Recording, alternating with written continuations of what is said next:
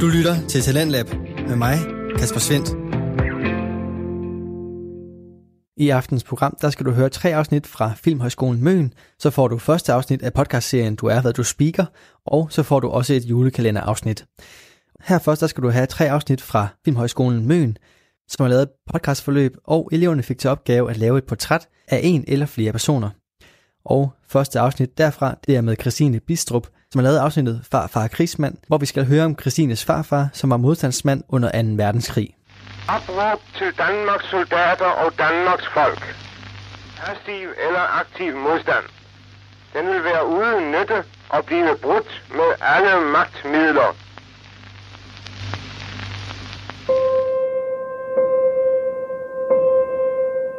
Det var den regning, som modstandsmændene måtte betale. Og der var ikke noget at gøre ved det, for vi sagde, kan det ikke hjælpe, at han kommer til en psykolog, en psykiater, som kan hjælpe ham lidt af med de her ting? Og de sagde nej. For det er så stor en ting, så det bedste er bare at lægge låg på at glemme det. Året er 1941, og Danmark er besat.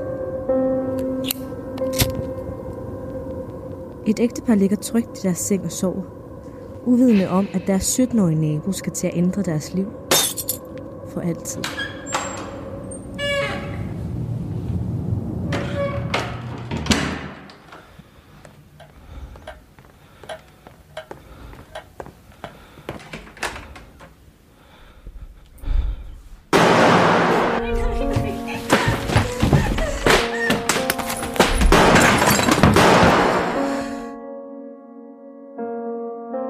Den 17-årige modstandsmand var min farfar. Og det her er hans historie.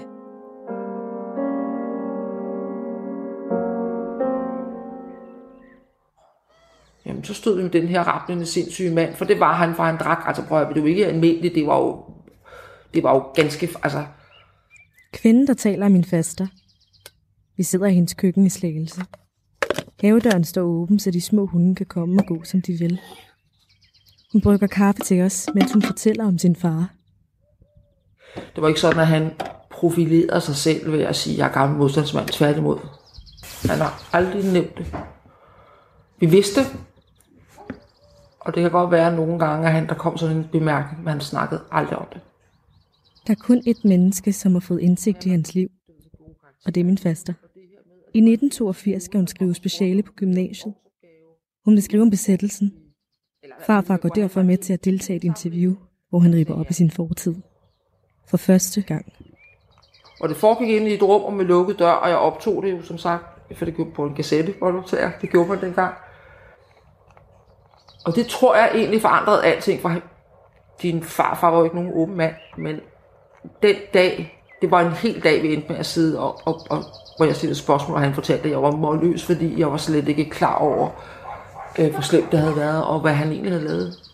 Det var en del af min far, jeg aldrig havde set, hverken før eller sidenhen. Jeg, jeg tror, jeg mistede ham meget tidligt, hvis jeg nogensinde har haft ham. Han var absolut ikke et forbillede, da han, da han sad derhjemme ved, ved spisebordet med snapseflasken på bordet og læste avis. Øh, det var han sgu ikke.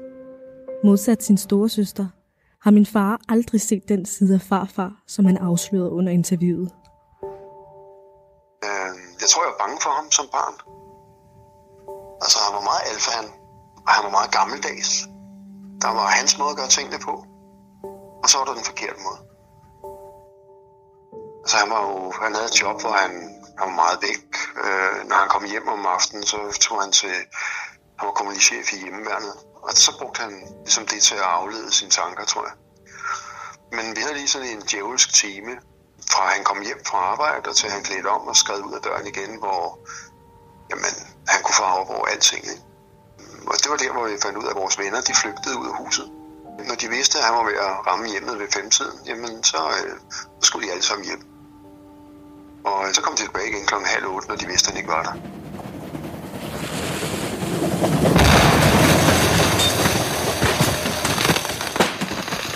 Det var lidt, øh, det var bare et, for, et rigtig ubehageligt tilfælde, at øh, min far havde sprukket min morfar i luften. De fandt jo så ud af det en gang i, det var en gang i 80'erne, jeg havde en stor dreng, og sad over hos min morfar. og så sad min morfar og min far og talte sammen.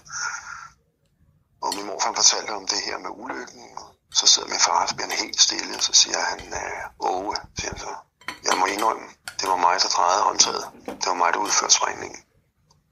Nå ja, sagde min morfar så, det er jo ikke noget at gøre ved, det er jo længe siden. Og så sagde de skål til hinanden, og så snakkede de aldrig mere om det.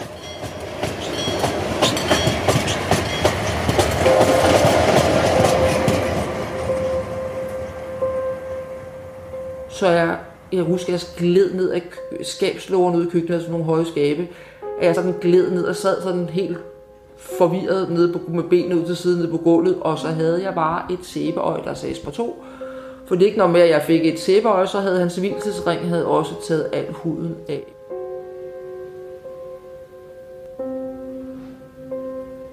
Øh, der var en læge, der havde sagt til ham, øh, du må ikke stoppe op. Du, øh, du lider af, af KC-syndromet. Det er nok kalde det posttraumatisk øh, stress. Og øh, du skal holde dig i gang, og du skal langsomt trappe ned fra de stress, der er. Men øh, der var ikke nogen, der kunne tilbyde for noget, så, øh, så han trak stikket. Min farfar går på efterløn, stopper i hjemmeværnet, og så går klappen for alvor ned. Han sagde selv, at han tog ikke. Han blev angst. Han blev bange for Gud og døren. Jeg tror egentlig, det er lidt menneskesky. Ja, så blev der drukket lidt mere, end måske gjorde nogle andre hjem. Øh, og det var jo nok det, der så forfulgte min far, da han, øh, han begyndte at gå hjemme. Og det eneste, jeg sådan kan sige, det var, jamen, jeg vil godt have lært dem at kende, men jeg nåede det aldrig.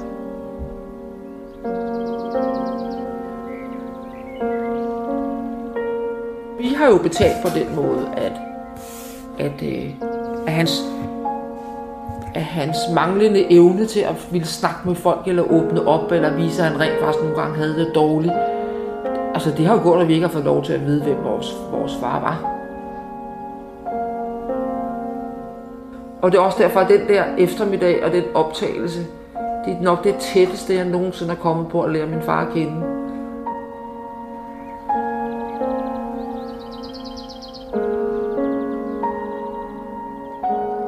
Og så går han jo være glad for sine medaljer og sin øh, modstandsmændenes øh, pension. Øh, men hvad var det værd, når der var han ikke var noget menneske længere?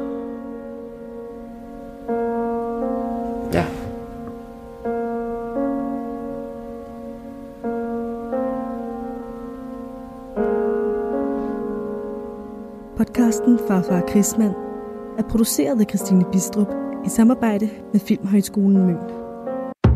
Radio 4 taler med Danmark. Det næste, du skal høre fra Filmhøjskolen Møn, er en produktion lavet af Neshma Mahmoud, og i afsnittet der har hun ringet til forskellige personer med forskellige udlandske rødder og der vil vi demonstrere for øh, homo-islam. Og der står her på vores løbested, demonstration for homo-islam, verdens største homo-religion.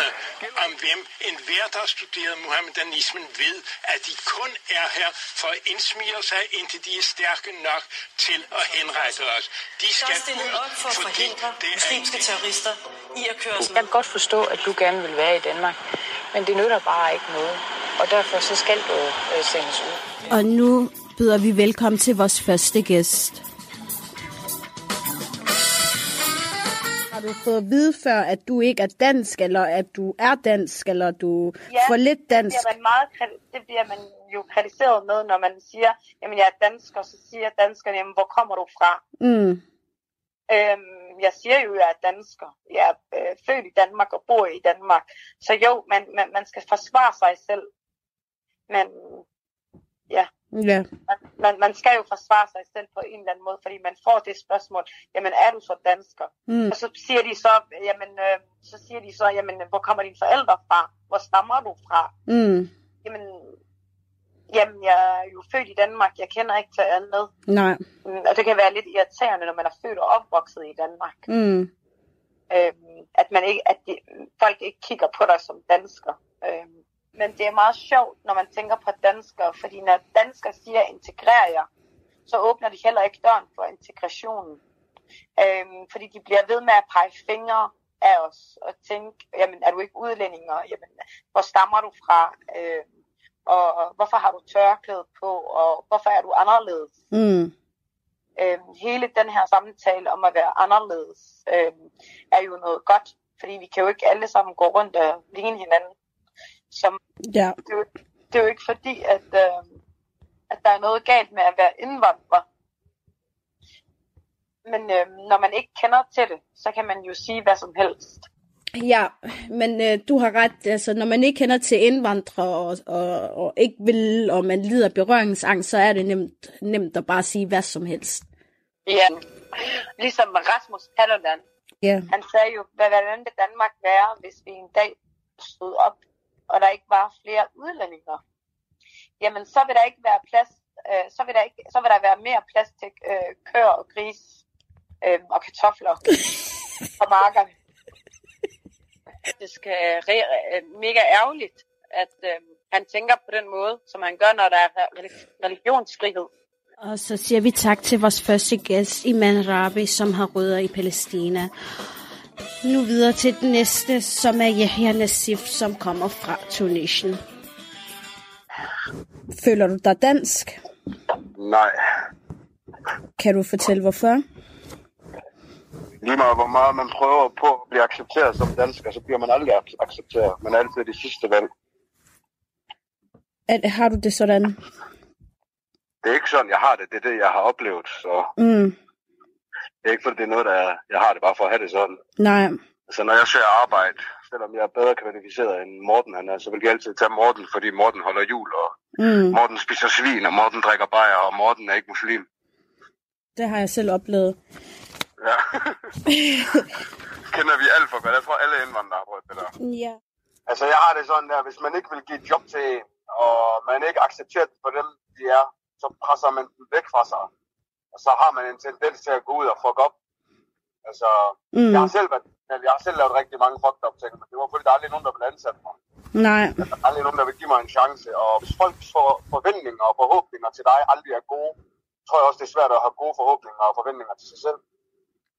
Mm, Det skal være kriminelle eller være samfundstaber, selvom vi ikke har lyst, men det er det, det samfundet forventer af os. Jeg skulle altså næsten tilbyde gratis arbejdstimer for at blive accepteret og sådan vise, at jeg var god nok, mm, så de gad at ansætte mig til sidst. Og det var sådan, jeg kunne godt mærke, at de var i tvivl, på grund af, at der var en, der hed Adam, en ung dansk dreng med lyst hår, der også søgte arbejde.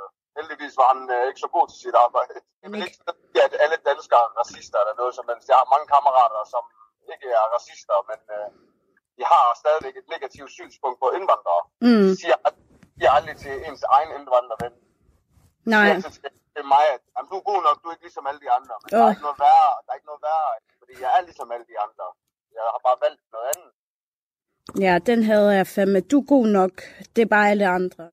Jeg sidder bare og tænker, hvordan kan vi fucking fylde så meget i medierne, og hvordan kan medierne fokusere så meget på os hele tiden, og ikke alle, alle mulige andre ting. Ja.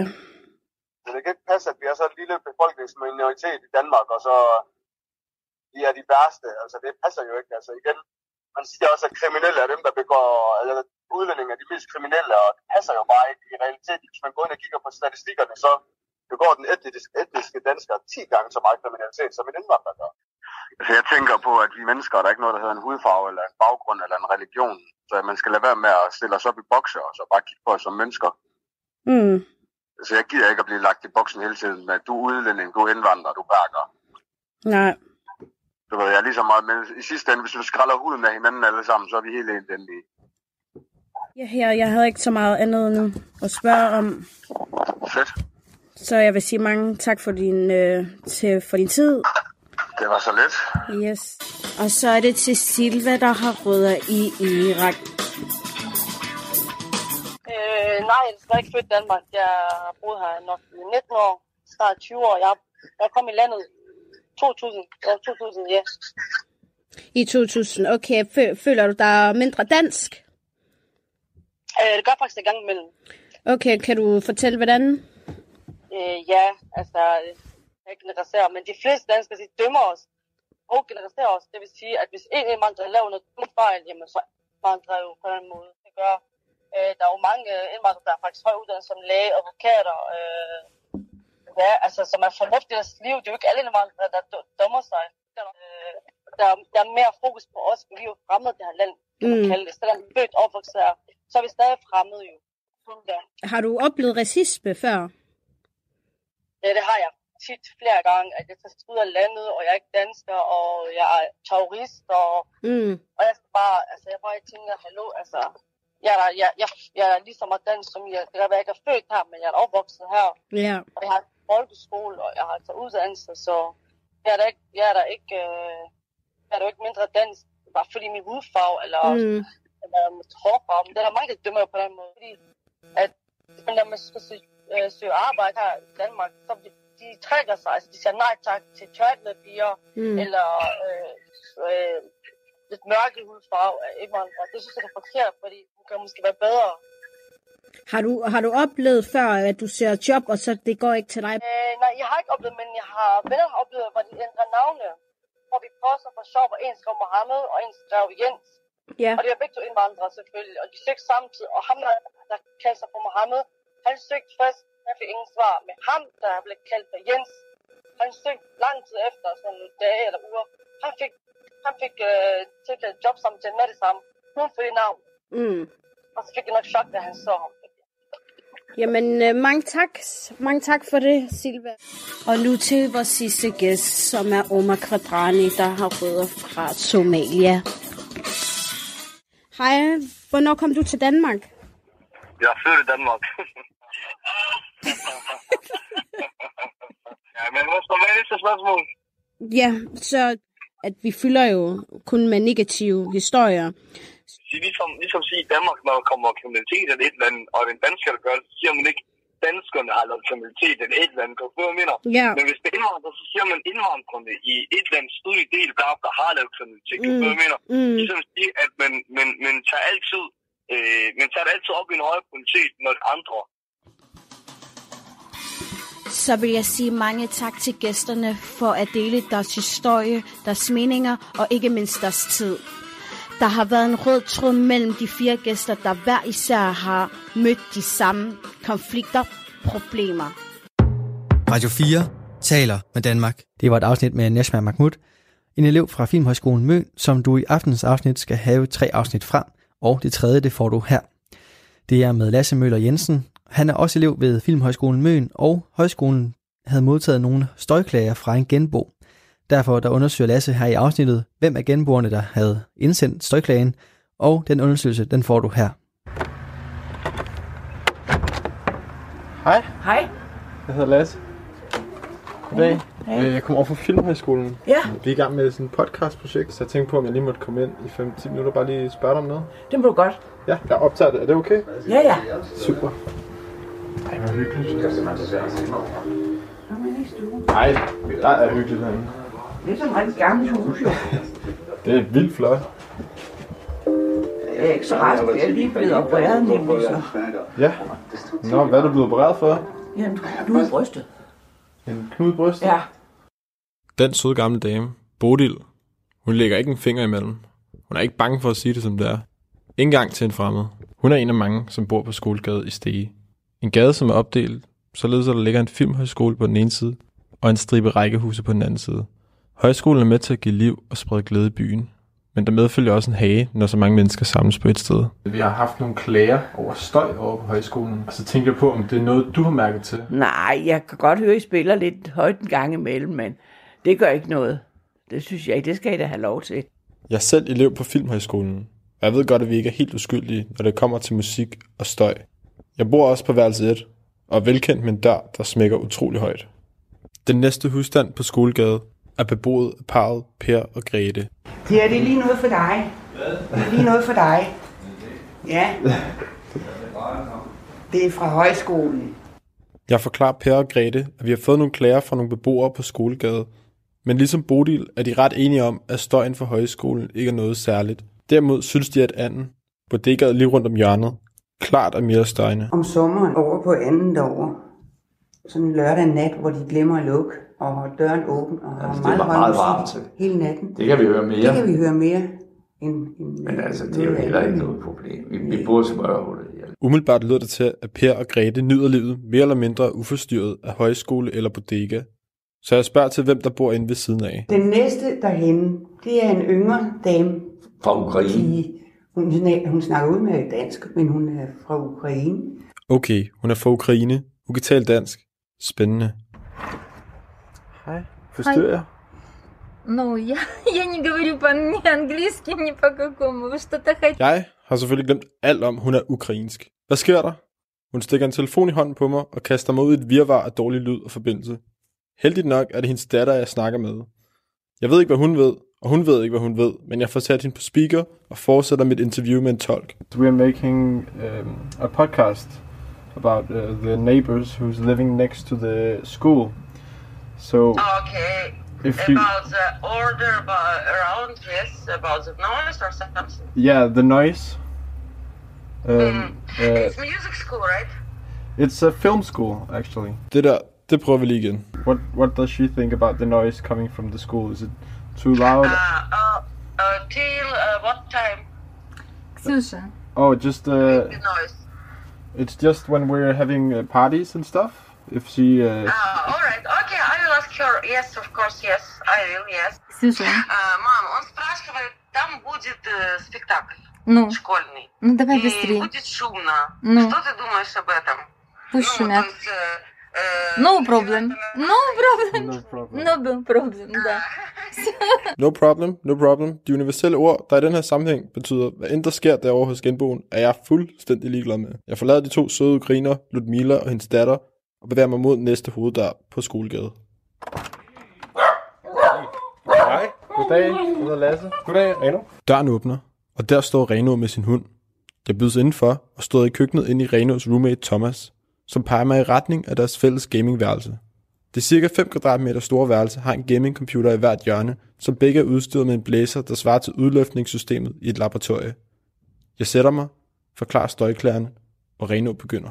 Altså, jeg vil sige, den ene gang, hvor I holdt fest, øh, hvad var det, tirsdag, onsdag torsdag? Det var måske lige stramt nok. Men øh, om I, øh, altså, fredag og lørdag, det er jo fint. Reno, ligesom Bodil, ligger hårdt ud. Men jeg kommer tættere på målet om at finde roden til klagerne. Hans pointe rammer plet og er svært at bortforklare, selvom Reno er en mand af få ord. For at komme videre, sweet talker jeg lidt og leger diplomat i øjeblikket. Hvad, hvad synes I, vi skal gøre anderledes? Har I nogle forslag til det? I kunne lave en bar herude og servere øl til naboerne. Og med de ord ved jeg, at det nok ikke er den husstand, der spytter klager ud. Tværtimod virker Reno og Thomas som to mænd, der hellere vil starte en fest, end at lukke den. Jeg takker for snakken og går videre til anden sidste husstand på min liste. Her bor 69-årige Lone. Hun svinger døren op sekundet jeg banker på, og byder mig velkommen med åbne arme. Vi sætter os ned, og jeg forklarer Lone de klager Filmhøjskolen har modtaget. Damen er frisk og tøver ikke med at åbne munden. Jeg synes ikke, det har været så vildt. Jeg vil så sige, det hold, der var der før, der var lidt mere knald på en gang imellem. Øh, der kunne jeg godt vågne om natten og sige, hvad pokker, sover de ikke nu derhenne? Lone er sgu en hård spiller. Hun piller min stolthed ned og henviser til, at det forrige hold var meget vildere end det nuværende. Jeg lytter i tavshed. Lone styrer fuldstændig interviewet, og det tager overhånd. Og jeg synes, det der er mest irriterende, det der går mig på mest, det er, at nogle gange, så kan jeg sgu ikke holde herude. Og så bliver jeg med mig tosse. så bliver jeg virkelig tosset ind og sinde. Ikke? Og så siger jeg, det var dog satans. Lone, hun sidetracker. Hun er hoppet af sporet, og jeg kan slet ikke nå ind til hende. Efter 15 minutter, hvor Lone har talt uafbrudt i øst og vest, vælger hendes underbevidsthed alligevel at hoppe tilbage på sporet. Og ud flyver de gyldne ord. Altså jeg ved godt, øh, min nabo har nogle gange været lidt sur over det. Ilden er tændt. Jeg har vundet i lotto. Er naboen kilden til klagerne? Vil hun tale med mig? Kan vi komme frem til en løsning? Hej. Hej. Undskyld, jeg forstyrrer. Mit navn, undskyld. Har jeg lige vækket dig? Mm-hmm. Shit, det er game over. Jeg har lige vækket den formodede nabo, der klager. Damen ser utilfreds på mig, mens hun beder mig om ikke at optage. Jeg nævner hurtigt, at jeg er kommet for at snakke om støjproblemerne. Tonen ændrer sig, og hun inviterer mig indenfor. Jeg får lov at optage. Hun viser mig sin seng, der står på væggen mod skolegade. Er det der, du sover? Ja. Så kan jeg godt se, at det er... Så er skateboard klokken her i om natten. Det er sgu heller ikke heldigt med det skateboard. Vi sætter os ved spisebordet, og hun fortæller mig, at hendes navn er Sanne, og at hun har boet på skolegade i to og et halvt år. Interviewet starter, og hun svarer kort og enkelt. Der var to hverdage til klokken 3 om natten. Ja, det er jo startet et nyt hold. Og uret, det ringer kvart i fire. Så jeg ved ikke, om du ville blive pist. Fordi det blev jeg. Hun er pist. Træt af støjen fra gaden. Træt af døren, der smækker. Jeg kan godt forstå Sanne. En lille medlidenhed begynder at snige sig ind på en. Jeg stiller et afsluttende spørgsmål. Hvad synes du om højskolen? Har jeg ikke noget sådan øh, forhold til det. Altså, ikke andet, der står der en filmhøjskole. Og jeg kan se jer i gadebilledet indimellem, ikke? Hvordan er det at bo lige op ad det? Det er ikke sjovt. Kølige ord fra Sanne. Samtalen fortsætter lidt endnu, og mit møde med Sanne ender faktisk i en god tone. Forhåbningen om et dramatisk sammenstød mellem en sur nabo og en kæk højskoleelev er blevet slukket. I stedet er der forhåbentlig endt ud med, at alle er blevet en smule mere oplyste. Både højskoleelever såvel som naboer. Lidt antiklimaks, men det er svært at komme med en løsning, der fungerer for alle. Især for Sanne. Podcasten er blevet lavet i samarbejde med Filmhøjskolen Møn. Radio 4 taler med Danmark. Det var Lasse Møller Jensen, som fik undersøgt, hvordan det er at bo ved siden af en højskole og med alt, hvad det indebærer. Og det var det sidste afsnit fra Filmhøjskolen Møn. Det næste, du skal høre, er podcastserien Du er, hvad du speaker, som er fra Aarhus Studenterradio. Den bliver lavet af brødrene Peter og Morten Marstal, og i den, der spiller de to brødre henholdsvis Peter og Tim Tickelmann. Peter, han har våget sig ud i et nyt projekt med sit nystartede reklamefirma, og langt om længe, der har Peter simpelthen fået været speakerstjernen Tim Tickelmann som firmaets første og eneste medarbejder. Og her der får du første afsnit fra podcastserien Du er, hvad du speaker. Hej Peter. Hej Timothy. Godt. Må jeg ikke lige trykke din hånd? Det er, fandme, det er sgu stort at møde dig. Ja, ja, ja. Hvordan, øh, hvordan går det? Ah, det går sgu fint, Peter. Uh, jeg kommer lige fra uh, fitness. Jeg er lige at train. Okay, ja, ja fedt mand. Træner Ja, du det- meget? du, du kan ikke se, om jeg træner meget. Jo, men du har jo stor, stor frakke på, så det er lidt svært at Nå, se. ja, ja. hvordan Lad mig lige tage den af. Ja. Så, Jo, ja. sådan der, ja. Okay, nu kan, nu kan jeg godt se, at du træner. Ja, det er godt, Peter. Du træner meget. Ja, du skulle selv prøve at komme i gang. Hvad, hvad, hvad skal det... Hvad mener du med det? Jeg kan godt se, Peter, du ikke, uh, du er ikke en frequent user af fitness. Nej, altså, jeg prøver en gang imellem at få løbet lidt, men jeg må da også indrømme, at jeg, jeg kan jo også godt, jeg kan godt lide at spise. Ja, Peter, alle mennesker kan lide at spise. Det er det, vi gør, når vi er, su- når vi er hjemme og sulten. Ja, Peter, um, vi øh, havde en god uh, talk på telefon. Ja, tusind tak for det. det har, Ja. ja. du har virkelig fået mig til at glæde mig til det her. Altså, jeg har, jeg har set frem til det hele ugen, at vi skulle mødes i dag. Og, Ja. For det, jeg har faktisk skaffet et kæmpestort øh, gig. Du har, en, du har fået en gig? Ja, ved du, hvad jeg mener? Altså gig. Du, Ja. du, du skal, jeg har skaffet et rigtig fedt speak. En stor klient. En fedt speak? Ja. De, Yes. da, de hør, da jeg sagde, hey, jeg øh, kan få Timothy Tickelmann til at ligesom speak Du kan jer. bare kalde mig Tim Tickelman. Det er fint. Jeg behøver ikke øh, det, øh, det fulde navn. Du hedder jo øh, Timothy. øh, Timothy Tickelman er mit fulde navn, men du behøver ikke kalde mig uh, Timothy. Altså Tim, Tim Tickelmann er fint. Ja, bare kalde mig Tim. Okay. Jamen, øh, Tim, øh, jeg har skaffet en kæmpe kunde, og øh, jeg vil prøve at lade dig jeg, gætte, jeg, jeg, jeg bliver allerede lyder. Jeg er spændt på den. Jamen, det er perfekt, fordi nu skal, nu skal du prøve at gætte, hvad, hvad det er for en. Øhm, uh. når du ved, okay, jeg kan se, du har... Er, Mercedes. Har vi fået Mercedes? Det, det, de er ikke helt lige så store som Mercedes. Hmm, ikke som Mercedes. Må jeg lige prøve at give dig et hint? Porsche. Øh, Heller ikke, ja, okay, jeg kan sige dig så meget. Det er ikke inden for, for biler, og det er noget, du gør på dit badeværelse. Noget, jeg gør på mit badeværelse, Peter. Det har jeg ikke lyst til at snakke om på uh, Nej, altså, nej, nej, nej, arbejdsmarkedet. vi snakker ikke toilet. Vi snakker, når du står foran spejlet oh. over vasken, så er det nok det, så kan du godt finde på at, at gøre det her. Jeg fjerner næse. Det er nogle af de største inden for det her marked. Ja. Mm, tandpasta? Det, nej, det, det er faktisk et godt bud, men det er mere noget på Mouthwash. dit ansigt. Ikke noget med din mund. Mund mm. Noget rundt om din Hvilken mund. region er vi på ansigt? Vi er på, øhm, på kinder, og så kinder. til hage. Jeg har, kan se, jeg har, Men. jeg har noget ned af min hals ah. og op af mine kinder. Du taler om skæg. Det er skæg, jeg tænker Ja, på. det er skæg. Ja. Og du kan se, du er ganske glatbarberet. Må jeg gætte på, hvad, hvad bruger du, når du skal glatbarbere dit ansigt? Jeg har en øh, dejlig øh, øh, private barber. En, en barber? En barber, ja. Ja. Det er en, øh, f- en fris- frisør. En, ja, en barber, okay. En mand, han barberer mit øh, skæg. Okay, undskyld, det er fordi... Ja. det, ja, Det er lidt... Øh, du har ikke sovet så godt, eller du er ikke så frisk i dag? Jeg synes, du hænger lidt Nanule. Ja, okay, det jo faktisk lidt ked af, at du kunne se, jeg prøvede at skjule det, men ja. jo, jeg var ude få et par, par bajer i går. En bajersk Et par øl. par bajer? Et par bajerske øl. Bajerske øl? Ja. Altså bare øl. Ja. Når du er, altså beer. Du fik beer. Jeg fik en masse Mm, øl, ja. Ja. Tak. Det- Øh, og det var mere, mest fordi, jeg ville ligesom fejre med mig selv og min, øh, min familie, at nu havde jeg fået Tim Tigerman. Ja. Og nu skal vi lave noget spise. Jamen, det kan jeg godt forstå, Og nu Peter. gider jeg ikke er- lade dig gætte mere, fordi... At Det er sådan en ære for dig. Det er stort, det er kæmpe Det er stort. det, Jeg har været kæmpe fan af alt, hvad du har lavet. Ja. Stort set nogensinde. Men nu, vi dropper gættelejen. Ja. Vi vil ikke gætte på det. Øhm, jeg tror, jeg sagde skæg. Ja, det er ikke en reklame for skæg, vi skal lave. Nej. Vi skal lave en Sig. reklame for... Fortæl det. Gillette Fusion. Gillette? Ja, kender du dem? Nej. Kender du ikke Gillette? Jeg kender ikke Gillette. Uh, Nå, ja. Jeg har set uh, reklamer for dem. Ja. De laver... Kender du deres slogan? Den... Uh, Gillette. Gillette. Nå, den med the best a man can get. Yes. Yes. Du er, er det en, du har set i USA? Uh, ja, jeg har set det i USA, ja. Okay. Jeg har aldrig lavet noget for Gillette. Nej, det har jeg ikke. Ikke Gillette endnu.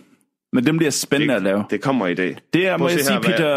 Øh, meget flot, Ja, du ja. har fået uh, Gillette. Det må jeg sige. Det Jamen, er, ja, ja. vi er rykket op i uh, The Big League. Det er, ja, det, jamen, det, det, jeg synes det er stort, men det var også kun fordi, jeg sagde dit navn. Ja, Peter, så, så, så stort er det heller ikke. Nej. Okay. Så. Ja, nej, men øh, de har sendt det her. Manuskript. Ja. Kan jeg få? Ja, værsgo. Tak skal du have. Øh, nu ved jeg ikke, øh, Okay. hvor længe du har boet i, Danmark. Kan du godt læse dansk? Jeg kan godt læse dansk, Peter. Jeg læser mange, mange ting, men uh, jeg har boet i Danmark uh, sidste uh, fire, tre, fire år, ja. Ja. Så, Så du... no problem. Ingen problem. Okay. Nej. Vil, vil du ikke lige prøve, øh, vil du prøve stille og roligt læse det lidt igennem, eller vil du... Fra A til Å, som man siger. Det, ja, på, jamen, så... Øh, du, Jeg kan dem alle. du kan dem alle bogstaverne. Ja. Hele Ja. alfabetet. Jeg hele alfabet, det kan jeg. Sådan. Det, øh, det er en god start. No problem. Nu vil jeg lige prøve at vise dig den her lyd, som øh, Gillette har sendt, som du skal speak ind over. Ja. Så kan du lige stå og fundere over, hvordan du vil få det til at lyde. Så Det lyder- det, det lyder sådan her. Mhm. Ja, det er godt høre, det er noget... Wow. Ja, skal du mærke det? Det er en modern... Det er til den modern mand, vi laver den her reklame. Det... Jeg kan mærke det nu. Det er rigtigt. Ja! Yeah! Er du med? Woo! Sådan. Godt, Tim. Ja. Okay. Er du, er du ved at have den? Ja, jeg tror, jeg, jeg, tror, Okay, jeg har godt. forstået. Gillette. Og så skal du bare holde dig inden for de her... Øh, Hvad bliver der nu? Ja, nej, læs hvad der står helst. Yes. Så, øh, så får Jeg vi, har, så får vi Peter, ikke klager jeg har mit uh, script her, og ja. den... Uh, så fint, så fint. Okay. Skal vi øh, bare tage den øh, fra hoften? Eller nej, det var så forkert. Fra hoften, jeg forstår nej, ikke. Vi tager den fra manuskriptet, det var det, jeg mente. Men jeg tænkte, skal vi, skal, nu giver vi den fandme et skud. Peter, det her er professional arbejde. Du skal ikke begynde at øh, skyde fra hoften. Vi gør det, Men som var, vi har lært. Det var også forkert formuleret. Ja. Jeg, jeg, synes, jeg, jeg, var begejstret. Ja, Peter, jeg har forstået at din begejstring. Okay? Okay. Nu laver vi øh, arbejde, Ja. og så tager vi hjem. Okay. Nå. Jamen, øh, vi, øh, vi kører. Er du klar? Jeg er altid klar, Peter. Um, born ready. Okay, så siger vi 4, 3, 2, 1. Det her er det, mand prøver at gøre, når de er hjemme. De forsøger at fjerne every hair, der kommer i vejen. Men nu introducerer Gillette denne nye opfindelse. Introducing Gillette Fusion Pro Glide. Omdan dit kedelige skæg med Flex Ball Technology. Få optimal kontakt med din hud og skaff dig af med alle de besværlige hår. Ny Flexball til din Fusion Pro Glide. Gillette, det bedste din mand kan få. Hold kæft, mand. Ja. Hvor er det, hvor er, hold kæft, hvor er det stort, stort at se dig speak. Mm. Altså, jeg har jo Den får jeg til dig. helvede ved, set dig op til dig, siden jeg var helt i det. Mm. I hvert fald mindre end jeg nu. Det, altså, på, Du kan huske det her. Jeg får gu- kyldegusninger. Det kan jeg godt se, Peter. Kulde, kylde, kuldegysninger. På dine spinkle arme. Nej, de er ikke så spinkle. De, øh, der er kød nok på. Jeg, jeg kan fende for mig selv, som man siger. ja, den er god med dig, Peter. Okay, så har jeg lige en idé. Vi prøver lige, uh, at du læser du op. Knipseleg? nej, nej, det var, det var bare lige for at, lige at sparke det op. Okay. Så nu har de fået en, hvor du improviserer. Kan vi prøve en, hvor du bare læser det op? Straight read, Ja. som vi siger. Skal vi prøve det? En straight read. Er det det, de siger øh, i branchen?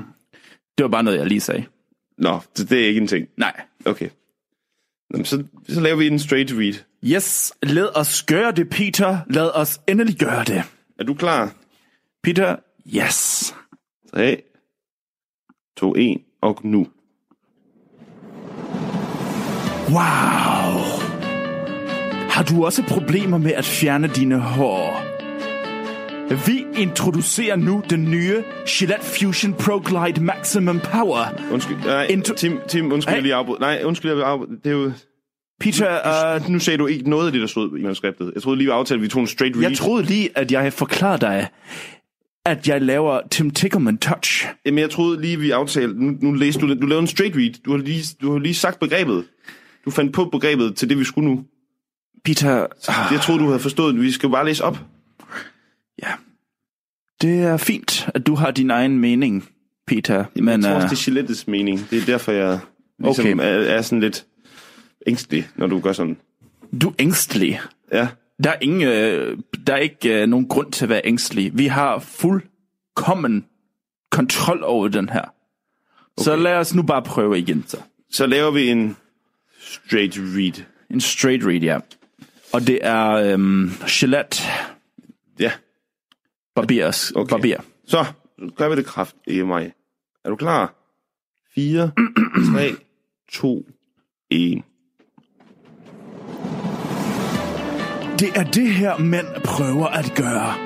Forsøger at fjerne et hvert hår. Det her er, hvad vi laver. Introducing Gillette Fusion Pro Glide. Omdan dit skæg med Flexball Technology. Få optimal kontakt med din hud og skaf dig af med alle de besværlige hår. Ny Flexball til din Fusion Pro Glide. Gillette. The best a man can get. Den mand. Hold kæft, du kan, fandme, du kan jo godt lave en straight read. Så fik du den. Yes. Kæft, hvor var det godt. Akkurat som Ja. Der var lige lidt... Uh, nej, det var, det var skide godt. Der Det var ikke noget, perfekt. der var ikke noget med det. Nej. Jeg tror, det, øhm, jeg tror det, var, det, det var det bedste, du kunne lave. Eller vil du have en tur til? Øh, hvad tænker du, der kunne lave bedre? Jeg Jamen, føler okay. ikke... øh, Hvis jeg skal komme med en kommentar, så er det her med, at du bliver ved med at... Så kommenterer at du bare. Jamen, Du kommenterer bare. Det- Det, er dit job. Altså, jeg forstår godt, det kan være svært, når man så altså, oprindeligt er fra USA, og så kommer der nogle ord, der lyder engelske, men du, når du siger, når du skal sige, introducere Gillette Fusion Pro Glide, så siger du introducing. Men det er jo en dansk reklame. Åh, oh, Peter, det er... Hurts. Hvad? It, it hurts. Hvad, hvad går ondt? Det gør ondt i min speakerøre at høre dig lave en speak. Nå, Du har ingen altså, det er lige kontrol op. over dine ord. Hvad, Lad nu- hvad tænker du på? På lige... Du kan ikke sige uh, introducere. Du skal have du skal have bang på den. Introducing Gillette Fusion Pro Glide. Så du synes, at jeg kom for hurtigt over ordene, eller... Du øh, lyder som en mand, der er opgivet alt. Jamen, nu er vi færdige med første speak. Vi, øh, altså, det her det er jo sådan noget, der gør, at vi får flere kunder. Når de ja. folk kan høre, okay, Tim Tigelmann er i gang med at lave reklamer, og de synes, de lyder godt. Og så, så spredes ordet jo, og så kontakter de mig, og så får vi en masse fede jobs. Så kan det være, at vi kan få Mercedes en dag. Sådan er, sådan er the best, Peter. Det ja. er, så snart de hører, at uh, dit firma har uh, Tim Tickerman med på uh, uh, som uh, speaker, så vil du... Vi vil aldrig blive... Uh, vi vil aldrig kede os, lad mig sige det på den måde, Peter. Det er jo det, du er vant til at bare få ma- masser af jobs. Ja, ja, Pete. Jeg er jo kendt navn, der er ikke den speak, jeg ikke har lavet. Nu har jeg godt nok ikke lavet Gillette, men jeg har øh, lavet så meget andet. Hvad? Jamen, Peter. Hvad er din yndlingsting? Det du, det du bedst kunne lide at lave? Hvad, var din, hvad er din favoritting? Den eller? bedste, jeg kunne lave... Mm, Hvad er den bedste, du har lavet? Jeg må sige, jeg er meget glad for øh, den, øh, jeg lavede med Lays. Lays? Altså chips? Chips, ja. Jeg er meget glad for chips. Du kan lide chips? Ja, det jeg elsker chips. Det, Øh, det er jeg også. Potato chips, ja. Det kan man ikke, man kan ikke se det på en krop. Nej. Du træner også, som du siger. Ja, ja, jeg er fitness. En fitness lion. Okay. Men øh, jeg spiser mange chips, og øh, Lays øh, bad mig at lave en job for dem, øh, for deres nye øh, barbecue chips. Det er jo et ret stort firma. Hvad, hvad fik du for det? Nå ja, men altså, jeg fik øh, 10 års øh, forbrug af chips. Um, Hold da kæft. Altså, alle slags chips, eller... Ja, kun barbecue, som du sour cream and onion, barbecue. Andre? Um, hvad den hedder, den sour med vinegar. Salt og vinegar. Salt and, salt and vinegar, ja. Okay. Den fik jeg utrolig glad for den. Um, Så har de bare... Hvor mange, hvad er 10 års forbrug? Hvor mange poser chips er det? Hvor mange poser chips? Um, det er vel... Den svarer til... øh, 5.000 poser. Hold da kæft. Ja, jeg sagde også til dem, 5.000 poser, alt for lidt. Hold, nej, det, det ikke. Altså, den, får jeg, den får jeg spist på et år. Og, ej, og så spiser du godt nok mange chips, fordi jeg stod lige hovedrendt lidt, da du sagde det. Jamen, jeg Og, øh, spiser det er jo- chips. det Jeg elsker chips. Det svarer jo stort set til en halvanden pose om dagen, hvis du skal spise 5.000 pose chips på 10 år. Ja, halvanden pose. Det skal nok passe. Okay. Men uh, ja, jeg spiser også mange i weekenden. Er det, bare, er det, men det er også hver dag. Det er ikke kun weekenden. Nej, jeg får en chips hver dag. Bare en chips, eller en pose chips?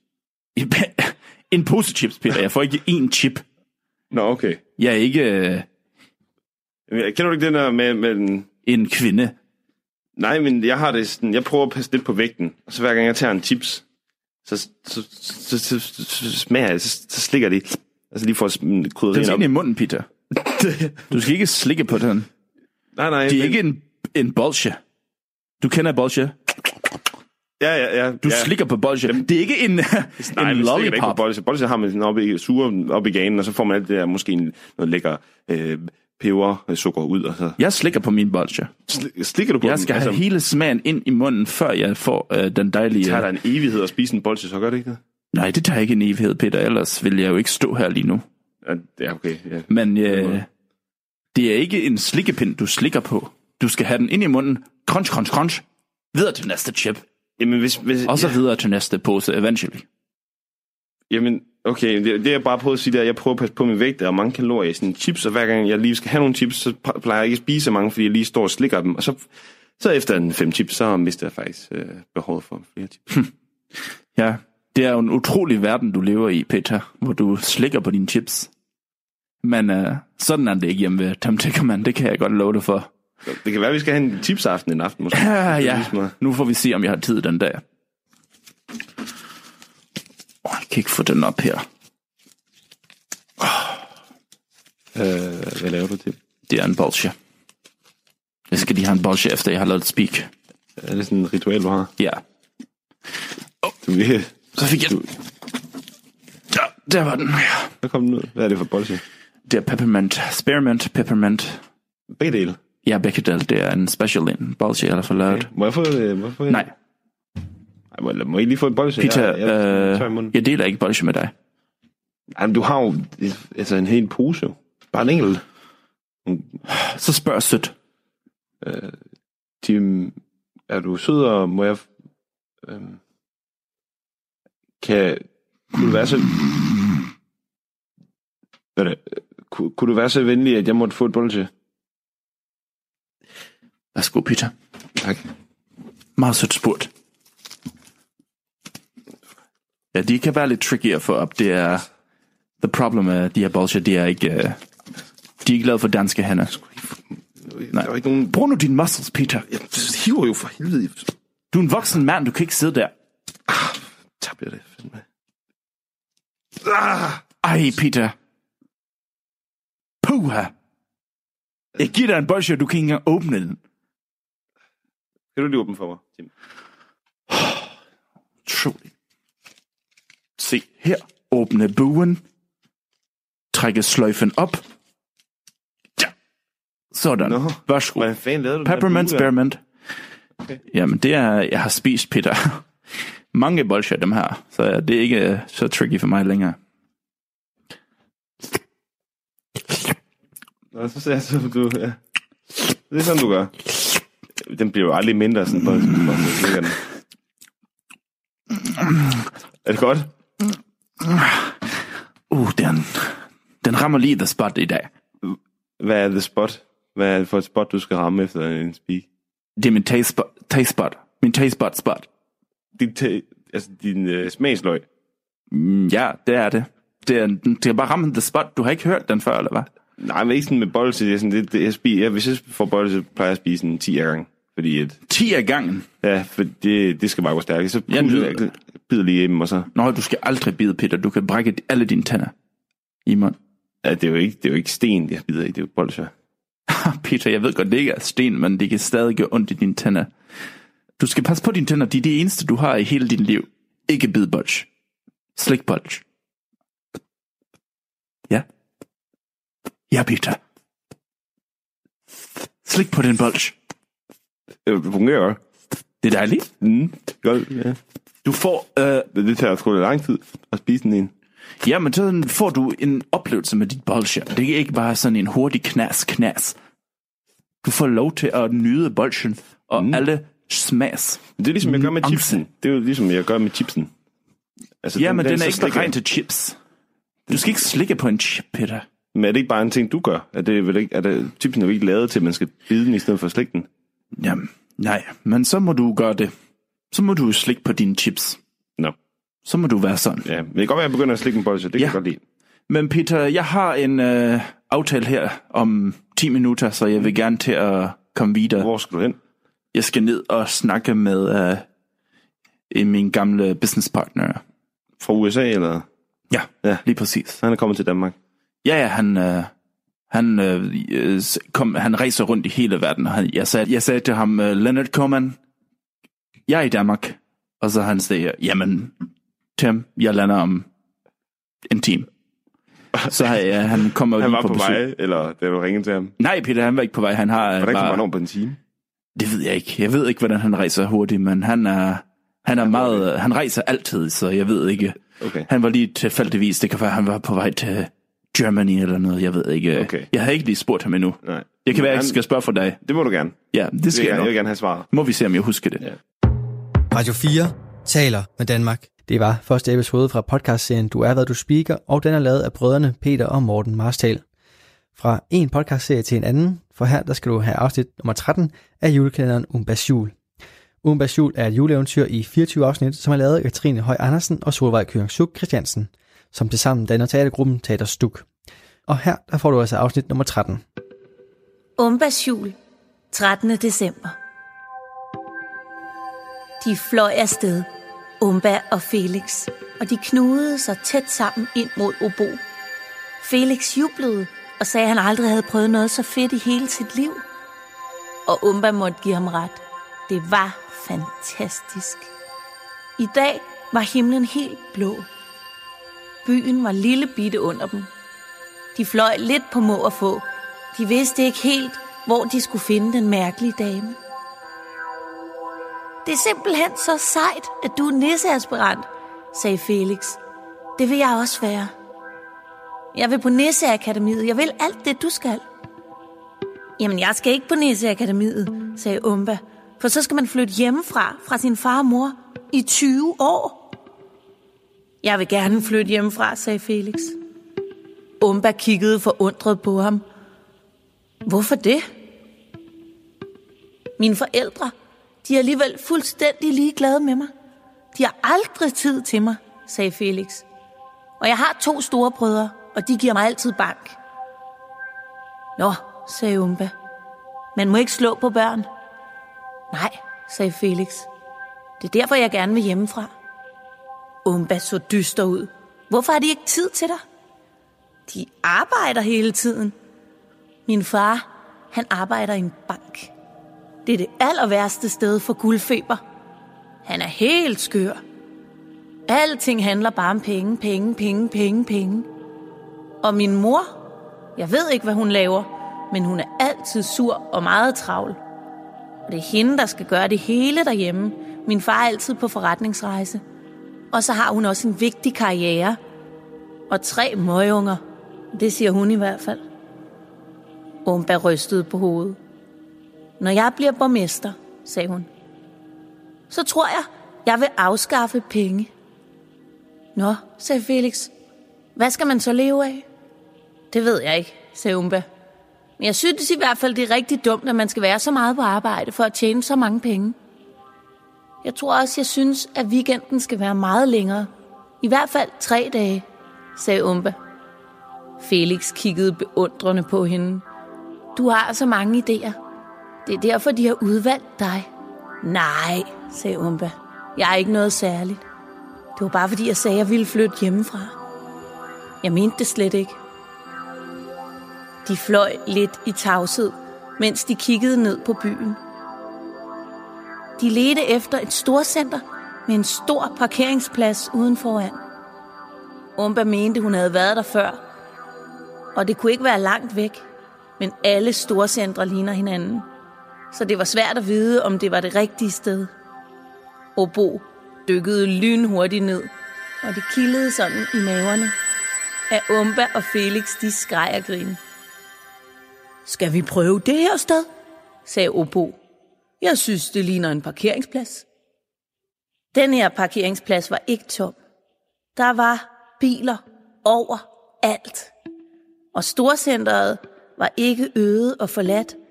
Der myldrede med mennesker. Ind og ud i hastigt tempo. Med poser og pakker og vogne og skrigende børn og sure forældre. Det var alt sammen meget forvirrende. Hvor skal vi starte? sagde Umba. Og da de ikke kunne finde ud af det, satte de sig bare ned. Hello, Umba! lød en genkendelig stemme.